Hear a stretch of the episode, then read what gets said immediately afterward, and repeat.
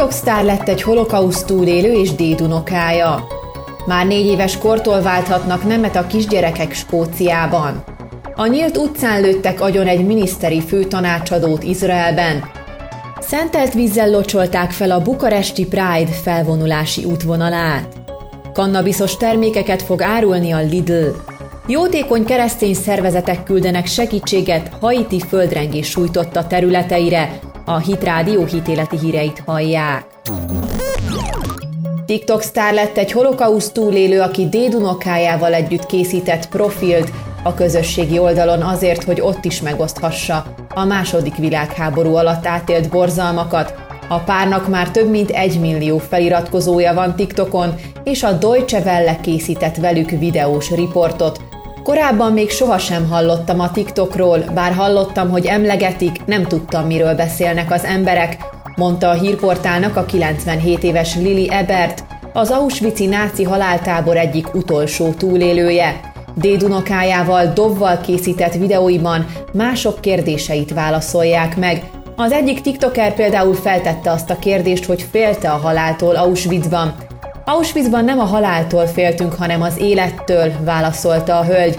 Egy másikban arról mesél, hogyan kapta meg a karjára tetovált sorszámot. Az én számom az A10 572, ez voltam én, nem a nevünkön szólítottak minket, ott nem voltunk többé emberi lények, mondta a túlélő az egyik videójában, amelyet több mint 20 millióan láttak.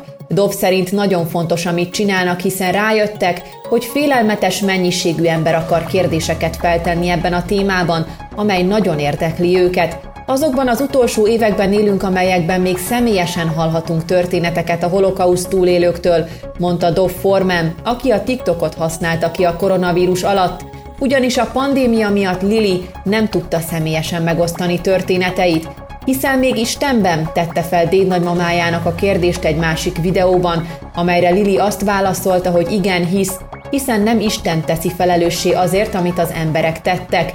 Lili történetéről könyvet is írt, miután látta, mekkora sikere van a közösségi médiában, sőt tavaly még a koronavírust is túlélte, Megfogadtam magamnak, hogy ha valahogy megmenekülök a nácik kezei közül, akkor az egész világnak elmondom, mi történt, és ez lesz az élet célom, vallotta be a hírportálnak Lili.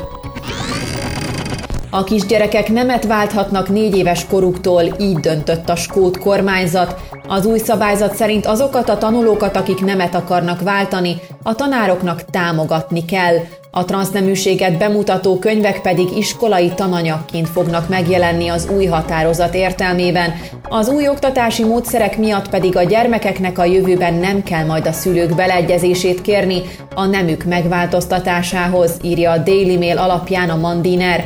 Az ország pedagógusait egy útmutató fogja segíteni, és azt tanácsolják nekik, hogy a diákok új neveit és személyes névmásaikat használják majd az iskolában, miután a gyermekek eldöntötték, melyik nemhez tartoznak.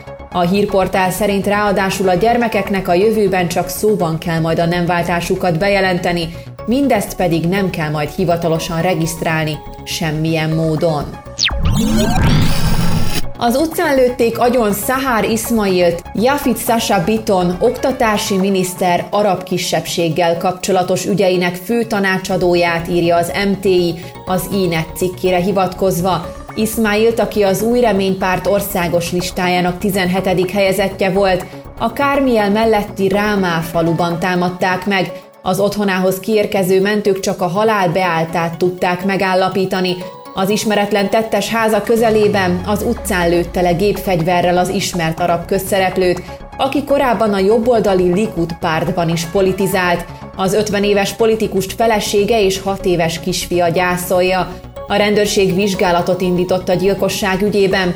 2021 eleje óta 74 ember gyilkoltak meg az arab kisebbség körében Izraelben. A tragikus incidensről Sasha Biton oktatási miniszter hivatala közleményt adott ki, amely szerint a tárca vezetője megdöbbenéssel fogadta a gyilkosság hírét, és folyamatosan kapcsolatban áll Sahar Ismail közvetlen családjával. Sahar Ismailt drága testvérként szeretett barátomat és harcos társamat ma reggel meggyilkolták Rámában, Jó szívű, az embereket és az országot szerető, becsületes és bátor vezető, igaz barát volt. Biztos vagyok benne, hogy az izraeli rendőrség elfogja a gyalázatos gyilkosokat, és bíróság elé állítják őket, írja Twitter posztjában egyik régi barátja, Gideon Szár, igazságügyi miniszter, a kormánykoalícióban résztvevő jobboldali új reménypárt elnöke. A szervezett bűnözés miatt az arab településeken az utóbbi években egyre fokozódott az erőszak. A rendőrség szerint a tavalyi izraeli lövöldözések több mint 90%-a arab közösségekben történt, noha az arab kisebbség Izrael lakosságának csak mintegy ötödét teszi ki.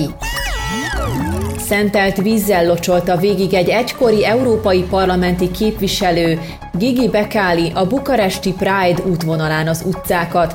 A szivárványos felvonulás útvonalán ikonokkal, keresztekkel és énekelve vonult végig, mondván, ha ezt nem tenné meg, emberek halnának meg.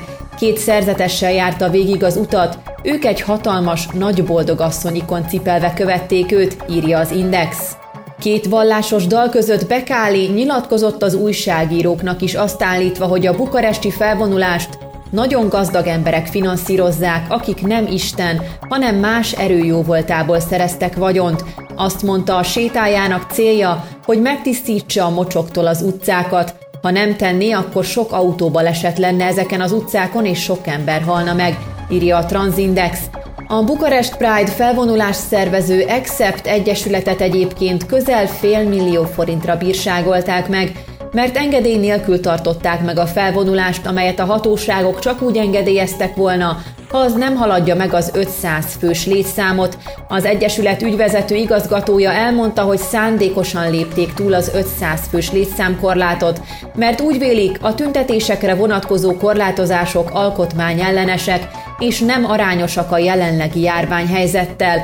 A gyülekezéshez való jog nem alacsonyabb rendű a lelkiismeret és a vallásszabadsághoz való jognál, sem a polgárok kulturális tevékenységeken való részvételéhez való jogánál, azért vonultunk utcára, hogy megvédjük a gyülekezéshez való jogot, a szabad véleménynyilvánításhoz való jogot, és vállaltuk a következményeket, írta az ügyvezető egy bejegyzésben.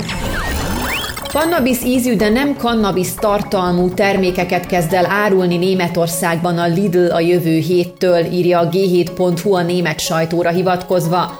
A Lidl rögtön 21 féle termékkel indul el, többek között lesz cannabis ízű energiaital, brownie és egyéb sütemények is. Az üzletekben elérhető termékek azonban nem fognak semmilyen tudatmódosító hatást kiváltani a fogyasztóknál, csak az ízük lesz kannabiszos, de nem tartalmazzák annak egyik fő összetevőjét sem. A kannabisz árusítása Magyarországon és Németországban is illegális, ahogyan az EU országainak többségében. A Lidl a hírportál szerint óvatosan vezeti be a mostanában divatos termékeket, ezt pedig az is bizonyítja, hogy azok még CBD-t sem fognak tartalmazni, pedig a beszállító cégtől ezeket is megrendelhetnék. A CBD a cannabis nem pszichoaktív, másik fő hatóanyaga, amelytől bár nem lehet beállni, több orvosi kutatás szerint is gyulladás csökkentő hatása van. A német közélet egyébként egyre kevésbé ítéli el a kannabis rekreációs használatát, és a politikai élet egy része ehhez a trendhez alkalmazkodva egyre többször beszél nyíltan a kérdésről, írja a hírportál, amely szerint Németországban szeptember 26-án parlamenti választásokat tartanak, és a kampányban többek között téma a kannabis rekreációs fogyasztásának legalizálása is. A haiti kormány legfrissebb hivatalos közleménye szerint 1297-en haltak meg a Richter skála szerinti 7,2-es erősségű földrengésben, amely szombat reggel sújtotta a Karibi szigetországot, és egyben súlyos anyagi károkat okozott az ország déli félszigetén. Haiti 10 megyéjéből négyben kihirdették a szükségállapotot, írja az Intelligencer alapján az Index. A helyi keresztény szervezetek azonnal akcióba léptek és támogatást nyújtanak a károsultaknak, a földrengés okozta károkat még nem tudtuk teljesen felmérni, de emellett problémákat okoz a pandémia és a Grace nevű trópusi vihar is, amely a napokban fogja elérni a haiti térséget, nyilatkozta a földrengés után hétvégén Marcelo Vizcarra, a World Vision vezető evangéliumi keresztény jótékony szervezet helyi igazgatója egy közleményben.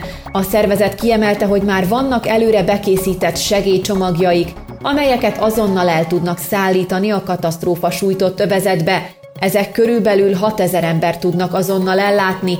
A következő napokban egyelőre a kárfelmérésekkel fognak foglalkozni, a Compassion International szintén keresztény humanitárius szervezet pedig Facebook posztjában jelentette be, hogy már a helyszínen dolgoznak olyan gyerekekkel és szüleikkel, akik elveszítették otthonukat. Az adventista fejlesztési és segélyszervezet elmondta, hogy elsők között kezdtek segíteni a károsultakon St. Louis de Sud környékén. A mi tapasztalataink szerint most a fő problémát a sérültek ellátása okozza, most is zajlik a folyamatos evakuáció olyan házakból, amelyeket tönkretett a földrengés, azonban sajnos nagyon nehéz az érintett területekhez hozzáférni.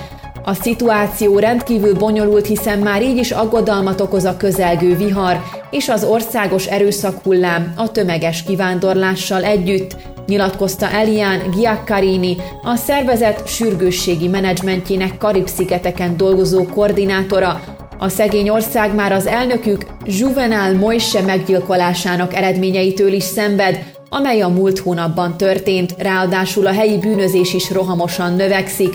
Az ENSZ haiti kirendeltsége egy februári jelentésben azt állította, hogy az elmúlt 12 hónapban 234 emberrablás történt, amely 200 os növekedést mutat az előző évi adatokhoz képest a térségben, a helyi hatóságok szerint 2020-ban 1380 gyilkosság történt az országban, ahol jelenleg több mint 150 bűnöző banda működik.